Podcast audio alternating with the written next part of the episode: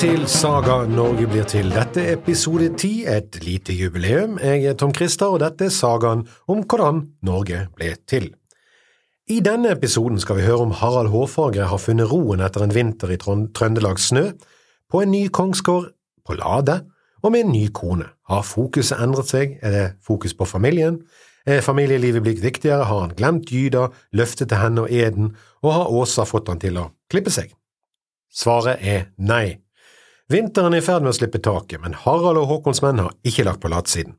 På beddingen ligger nye, store draker, vikingskip om du vil. Hvor skulle disse skipene, og hva skulle de brukes til? Spesielt det ene skipet var stort og forseggjort. Helt fremst var det som vanlig plass til en stavnbu. Denne mannen ble spesielt utvalgt, for han skulle holde kongens merke, ravnebanneret. Slik kunne alle se hvor kongen var og hvilket skip som var hans. Bak stavnbuene bakover heter Rausen, her hadde berserkerne plass. Berserker var en slags elitesoldater og ofte leiesoldater, de var yrkessoldater, levde av og for å kjempe. De fikk den beste kosten og trente hver dag på kamp og våpenbruk, de var en slags den tidens riddere. De var de eneste i denne hæren som ikke var bønder samtidig, de var dyre å holde i, holde i, holde i hevd, og krevde betalt for å satse livet. Derfor var Harald nå avhengig av å få krevd inn skatter, det ville ta tid. For å få brukt disse berserkene og skaffet betaling, og kanskje miste noen av de på veien så han slapp å betale, var han nesten avhengig av å gjøre et nytt erobringstokt. Resten av skipet var fylt av håndplukkende menn i hirden, de beste fra alle fylkene Harald nå var konge over. Dette var nå også i hovedsak veteraner etter mange kamper, de håpet også på rik belønning. Han kunne gjort som mange andre, ta turen vest i havet i Viking, plyndre noen klostre og da hjem igjen med slaver og sølv. Det var ikke uten risiko, men risikoen var vær og vind i hovedsak, den styrken han nå hadde, kunne ikke noe kloster stå imot. Nordover var det ingen vits å dra, der hadde han kontroll gjennom Håkon Jarl. Sørover og vestover var Mørekongen og Romsdalskongen. Skulle han holde eden sin om å samle Norge, så måtte han på et eller annet tidspunkt slåss med de to. Mørekongen het Hundtjov, med sønnen Solve. Solve var kanskje den sleipeste ålen Harald noen gang vil møte, og han har en egen evne til å sno seg unna i siste øyeblikk. Han var Møres Gandalf. Møre og Romsdal var et familieforetak, det var morfaren til Solve som regjerte i Romsdal. Harald og Håkon hadde bestemt seg, det skulle ikke noen stor spåmann til for å gjette hva handelsmannen Håkon Jarl ville. Å kunne seile sine handelsskip trygt ut Trondheimsfjorden og forbi Stad var noe han hadde drømt om lenge. Å kunne seile uten å bli stoppet av møringen, det var en drøm. Hans råd var klart. Harald holdt med sin svigerfar, og Guttorm var nå reist tilbake til Østlandet for å styre der, så der kom ingen andre forslag nå. Kursen ble satt mot Møre. Dette var kanskje den eneste gangen i Møre og Romsdals historie de tre fogderiene sto sammen, ja, ikke helt sammen, men nesten sammen. Det var heller ikke noen stor overraskelse for Hundtjov og romsdalskongen Notve at Harald kom sørover. De hadde tatt nok av Håkons Jarl handelsskip som uh, prise til å vite at han hadde regnskap å gjøre opp med de. De gjorde sine forberedelser. Denne gangen ville Harald ikke komme overraskende på som i Trøndelag og til dels i Vestfold. Det kan nesten se ut som møringene var ute før han, og på vei til å angripe Harald og Håkon. Var det kanskje slik? Var det møringene som var på vei til å erobre Trøndelag? Det vet vi ikke, men stedet de møttes på, var rett syd for Smøla og Edøy. Der ligger et sted som heter Solskjell. Dette er nord for fjordene der møringene hadde sine sentrale områder, med andre ord, de må ha samlet folk i hele fylket og seilt av gårde. De møttes ved Solskjell, og det kan virke som de nå kommer ganske overraskende på hverandre, fra begge sider. Men begge er forberedt til strid og kaster ikke bort tid på en gang å forsøke å snakke sammen. Skalden Torgeir Hornklove beskriver det sånn. Nordfra dreiv nå skipet, så at skjoldkledd kjempe dermed kom til striden, mot de konger tvenne, Høvingene hilstes, hissig uten tale. Susende pil i lufta, sangen av skjold var hilsen. Med andre ord, de eh, høvdingene og kongene gikk rett i kamp. Dette er litt uvanlig.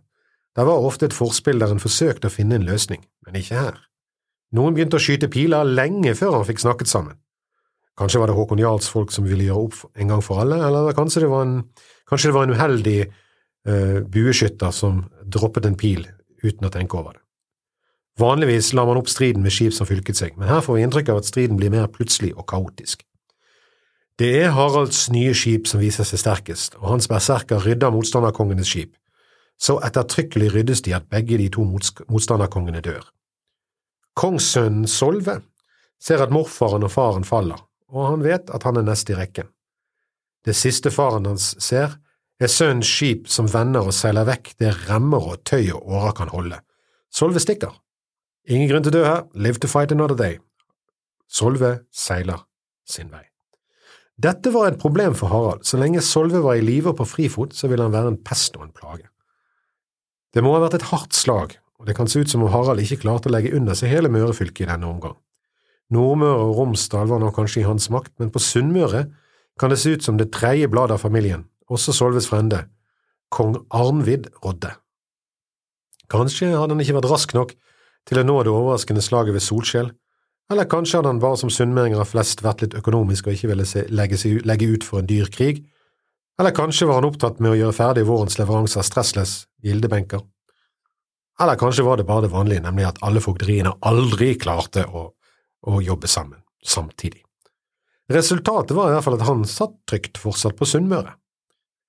Harald trengte tydeligvis både tid til å etablere styret i de nordligste fogderiene og slikke sine sår. Her var det ikke en mengde av storfolk som gikk over, tvert imot, så lenge Solve var på frifot og frenden hans satt i Sunnmøre, satt de på gjerdet. Men Harald trengte en mann til styre for seg som jarl på Nordvestlandet. Han finner ingen lokale stormenn. I stedet velger han en gammel kjenning fra Østlandet, Ragnvald Øysteinsson, sønn av en stormann som ble kalt Øystein Glomra, mest sannsynlig fra Oppland. Dette var gamle kjenninger av Halvdan Svarte, Guttorm Sigurdsson og senere Harald. Sannsynligvis hadde Ragnvald vært ved Haralds side hele veien fra faren døde. Dette er en mann han stoler på. Han setter Ragnvald Øysteinsson som jarl. Han blir siden for historien kjent som Ragnvald Mørejarl og fortsetter å være Haralds nære allierte hele livet. Det skal koste Ragnvald dyrt, men også gi Ragnvald store rikdommer. Det er Ragnvald og hans utvalgte som blir igjen om høsten når Harald reiser hjem igjen til kona i Trøndelag. Ragnvald får det tøft den vinteren, ikke bare skal han forsøke å holde styr på to fiendtlige fylker, han får ikke være i fred for Sleipe Solve. Solve har kanskje forsvunnet over horisonten, men han kommer stadig tilbake denne vinteren. Han starter en slags geriljakrig langs Mørekysten. Nå får egentlig Haralds folk smake egenmedisin. Solve er en slags viking som slår til mot Mørekysten. Hele vinteren slår han til der han finner Haralds menn stå lagelig til for hogg. Ingen vet hvor han er, ingen vet hvor han slår til neste gang. Ingen får tak i han, han plager Ragnvald Mørejarl hele vinteren gjennom.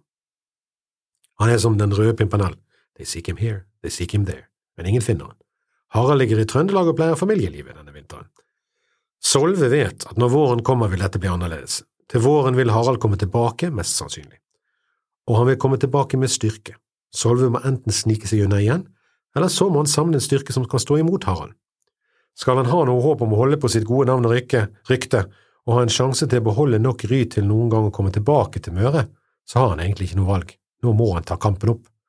Alle forventer at en sønn forsøker å hevne sin far, en sønn som ikke forsøker å hevne sin far, levnes ikke mye ære. Solves frende Arnvid har heller ikke mye valg, han må stille opp for sine frenders ære. Dessuten vet han at han er den neste småkongen som vil føle Haralds og Håkons erobringstrang. Mange på Møre føler nå at de har noe å hevne etter Haralds fremferd. Det trekker mye folk til Solve og Arnvid. Men det var ikke nok med to konger sist, og det vil ikke være nok nå, tror de. Derfor drar de sør til fjordene, til kong Audbjørn. Audbjørn sitter litt kleint til. Rett sør for han ligger Sogn, der Harald har regjert som konge, og der Halvdan Svarte, Haralds far, også har vært konge. Han kjenner at det brenner et blått lys for han sjøl. Når Harald kommer, vil han sjøl komme i klem mellom Harald nordfra og Haralds arveområde i Sogn.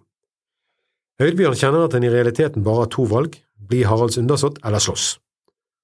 Harald hadde lønnet de godt som hadde valgt hans side, så på mange måter var det, var det kanskje en god idé. Men Audbjørn er litt stor på det. Han synes sjøl at han er minst like stor mann som Harald som har vært den lille kongen rett sør for han, han kan ikke få seg sjøl til å legge seg under han. Hans far hadde sagt at det var bedre i fall i kamp enn å bli Haralds trell.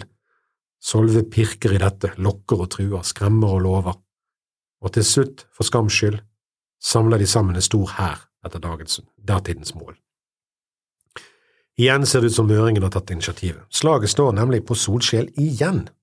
Det betyr at Solvorens allierte er på god vei mot Trøndelag når kampen eh, begynner, og de har seilt fra Fjordane og Sunnmøre forbi både Romsdal og Nordmøre før de møter Harald på vei fra Trøndelag. Denne gangen er Haralds motstandere veldig godt forberedt. Skipene er bundet sammen til en flytende borg. Det betyr at det er begrenset hvor mye en kommer til. En må legge seg til mot stavnen og slåss, slåss om de. Kampen blir hard. Haralds skip legger seg mot sunnmørskongen Arnvid. Sunnmøringen viser seg som en hard natt. Selv med hele forskipet full av berserker på Haralds side, holder Arnvid stand.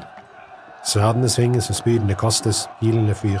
Med hele skipet høres etter hvert ropene fra sårede og døende menn. Utenfor skipet høres desperate rop fra de som har gått over bord. Tunge ringbrynjer trekker de ned og stilner ropene før hjelpen kommer. Den kommer ikke. De går under. Nå klikker det fullstendig for Harald igjen. Fortvilelse og raseri samles der han ser mennene sine falle, og kanskje kongedømmet falle med dem. Han blir helt vill og gal. Han har ingen tid å miste og kaster seg inn i kampen. Det er høy risiko. Kongen kaster seg inn i kampen. Den høye og sterke kongen med det flagrende, lange, gylne håret skyver berserkene til side og stormer fram. Galskap og sinne står skrevet i det ville blikket. Om det er de intense øynene, eller om det er sverdkunsten hans, eller bare villskapen, vi vet ikke. Men han kommer seg over på Arnvids skip, og mannskapet blir så redd at de trekker seg tilbake bak masten. Slik går historien. Men det er nok ikke feighet som gjør at de trekker seg bak masten. Det er kanskje en måte å skaffe rom til å bruke kastespyd, eller for forskanset seg mot den rasende angrepet. Kanskje går Harald fram mot Harald og slåss mann mot mann. Det smeller når sverdene treffer skjoldene. Begge prøver å få inn et hogg. Haralds villskap er både en fordel og en ulempe. Aggressiviteten og intensiteten gjør at han hugger oftere og hardere, men det pyrer også at han sjøl åpner seg for mothugg. Hirdmennene deres trekker seg unna, mens de to kongene slåss med hverandre. Slaget står og vipper. På andre skip har allerede to av Haralds jarler satt livet til. Hans to svogre, brødre av hans kone og sønner Håkon Jarle er også drept. Dette er dramatisk. Hvordan skal Harald komme hjem til sin svigerfar, venn og allierte med disse nyhetene? Hva vil Håkon Jarle gjøre da? Mange vennskap kan ryke i en sånn sorg. Det føles som om alt holder på å rakne. Det er kanskje det som utløser villskapen til den unge kongen. Vet han om dette der han kjemper? Ja, sannsynligvis så har han sett de andre falle fra sitt eget skip og sett bannerne på deres skip falle. Nå går han på Arvid som han besatt mens kampen raser på flere skip, for Harald eller noen andre foran skipene et avgjørende hogg på Arnvid. Arnvid segner til knes og faller. Skipet hans ryddes, som det heter, det vil si at alle om bord drepes. Dette ser Solve fra sitt skip, men virkningen på Solve er ikke den samme som virkningen på Harald og hans frender og jarler faller. Solve, som har mobilisert og lokket og lurt hele denne hæren, overtalt sin frende og sin nabo til å slåss, har heller ikke denne gangen tenkt å slåss til sistemann.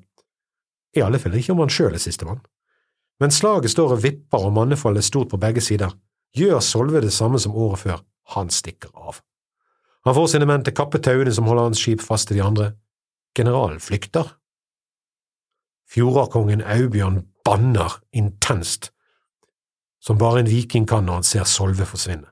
Han slår sverdet hardt i skutesiden. Måtte han fryse i Helheim, den nidingen, den forbannede loken! Han skjønner at nå er det ingen seier å håpe på, han kan ikke og vil ikke flykte, den vannæren vil ikke han ha over sin slekt. Han sverget heller å dø enn å bli Haraldstrell. Frender, vi dør her, men vi dør som frie fjordinger. Med Solve på flukt er slaget avgjort. Det slåss en stund til, men nå har Harald seieren. Men den er dyrekjøpt. Flere av hans jarler er døde, og to av Håkon Jarls sønner er også døde. Vi vet ikke om det var helt sånn det skjedde, men vi vet ennå en gang at ennå en gang snor ålen Solve seg unna. For de som tenker på å slåss med han, må det være et tankekors. To voldsomme slag, og han kommer uskadet fra begge, mens alle hans allierte dør. Selv om de ikke beskylder ham for feighet, så er ikke dette en mann som bringer lykke i krig. Tvert imot, han er mer av en ulykkeskråke. Likevel er Harald ikke kvitt Solve, han kommer til å dukke opp igjen, og igjen. Solve fortsetter sin geriljakrig i et håp om en dag å samle nok støtte til å komme tilbake, men akkurat nå flykter han med halen mellom beina. Harald har vunnet dette slaget og dermed den siste delen av Møre og Romsdal. Men tiden har gått, og med de tapene de har hatt, og mens høsten nærmer seg, bestemmer de seg for at det ikke er noen god idé å seile videre rundt Stad av fjordene og la de betale for å ha stått mot Harald i dette slaget. Harald samler resten av hirden sin og seiler til det som er nå blitt hjem, Trøndelag. Han etterlater Ragnvald i sitt nye jarldømme, og sannsynligvis lar han deler av hæren bli igjen der med han. Og kan det også synes som om møringer og romsdalinger har fått nok av kriging og solve. Det begynner å ta på, og disse reidene han gjør mot sine tidligere undersåtter, begynner å koste de òg. Ragnvald ser ut til å styre hardt, men godt, det kommer ikke mer opprør nå i hans område. I stedet gjør Ragnvald et trekk som kanskje er avtalt med Harald, men som også er helt uventet og genialt. Man kriget stort sett bare om sommeren i en kort sesong, innhøsting av vinter gjorde det vanskelig å slåss. Det å seile rundt Stad er hardt nok i dag, men i åpne båter var det som man forstår noe man tenkte seg nøye om å gjøre om vinteren. Harald hadde bestemt seg for å la være og tatt skipene med seg hjem. Ragnvald har imidlertid egne planer. Han har en bekjent, en kompis, en kontakt, sør for Stadlandet. Ved Berlepålen på Bremangerlandet ved munningen av Nordfjord holder berserken Berlekåret til. Han er velkjent, og kjent for mange vikingtokt. Han har folk, men viktigere, han har skip. Skip som ligger trygt sør for Stad i lune, sørvendte Berlepålen. Om det er Ragnvald sjøl eller noen hos Ragnvald som har kontakt med Kåre, eller om det rett og slett er Ragnvald som leier han inn og betaler han for det, vet vi ikke, men dette er starten på et langt og vakkert forretningsforhold. Ragnvald tar sine menn over land der Stadlandet er smalest. Kanskje ligger nå Berlekårets skip og venter og tar de sørover. Hva er det de jakter etter, hva er oppdraget for dette kommandoreidet? Målet, det er han som har nå overtatt som konge i fjordene. Han heter Vemund. De hadde en viss peiling på hvor han var, også Vemund hadde sine kongsgårder eller veitsler han skulle dra til. Disse kjente Berlekåret godt til. Kanskje han sjøl også hadde sånne plikter. Ragnvald sendte speidere ut for å snuse opp hvor Vemund var. Og et stykke utpå vinteren finner de Vemund. Han har satt seg til Veitsle i Naustdal. Naustdal er en trang og mørk liten dal der Nausta renner ut i Førdefjorden. Det er ikke lett å komme til fra andre sider enn sjøen. Ragnvald bestemmer seg for å gjenta en klassiker, brenn de inne og det er akkurat det som skjer. Fra Berlekårets skip sniker det seg i land denne mørke vinternatten. Snøen gjør at ingen kan høre at de kommer. 90 mann brenner inne denne natten i Naustdal. Går du om natten i Naustdal, kan du kanskje ane hvordan det var, for stedet er mørkt, trangt og ganske stille også i dag. Elen tar fatt, og folk som våknet, forsøkte å komme seg ut. Men Ragnvald hadde satt folk ved alle åpninger, og de tok hånd om de som forsøkte å slippe unna. Her var ingen nåde. Ragnvald plukker de skatter han kan finne fra brannruinen og tar Vemunds skip. Nå kan han selv selge hjem. Han har gode nyheter til sin konge. Han har vunnet fjordene for han, med ild. I tillegg har han vervet den store berserken Berlekåret. Nå ligger veien åpen for Harald sørover til hans eget sogn. Firda-fylket lar fjordene nå ingen motstand å hente i. Neste vår seiler Harald enkelt sørover og tar fylket i eie. Nå er ringen sluttet. Han har kontroll fra Viken via Trøndelag over Møre og ned til sitt gamle rike i Sogn. Han nærmer seg nå med stormskritt Gydas hjemtrakter, men det har tatt han tre år. Møringen var harde nøtter, da som nå. Nå skal det lønnes de som har støttet han hittil, spesielt Håkon Jarl, som har mistet to sønner. Spesielt han har fortjent en skikkelig godbit. Men Håkon Jarl er ikke fornøyd med den belønningen han får, og sånt blir det bråk av. Det var det for denne gang. Takk for at du lytter til denne episode ti av denne podkasten. Du kan sende spørsmål eller kommentarer til tom.christer.gmail.com. Neste gang får vi høre om hva som skjer når Håkon Jarl strekker strikken litt for langt. Vi avslutter som vanlig med et ordtak fra Håvamål, denne gangen om den skjebnen vi alle deler. Døy fe, døy frender, dør sjølv det same. Eg veit eit som aldri døyr, dom om dauan kvar.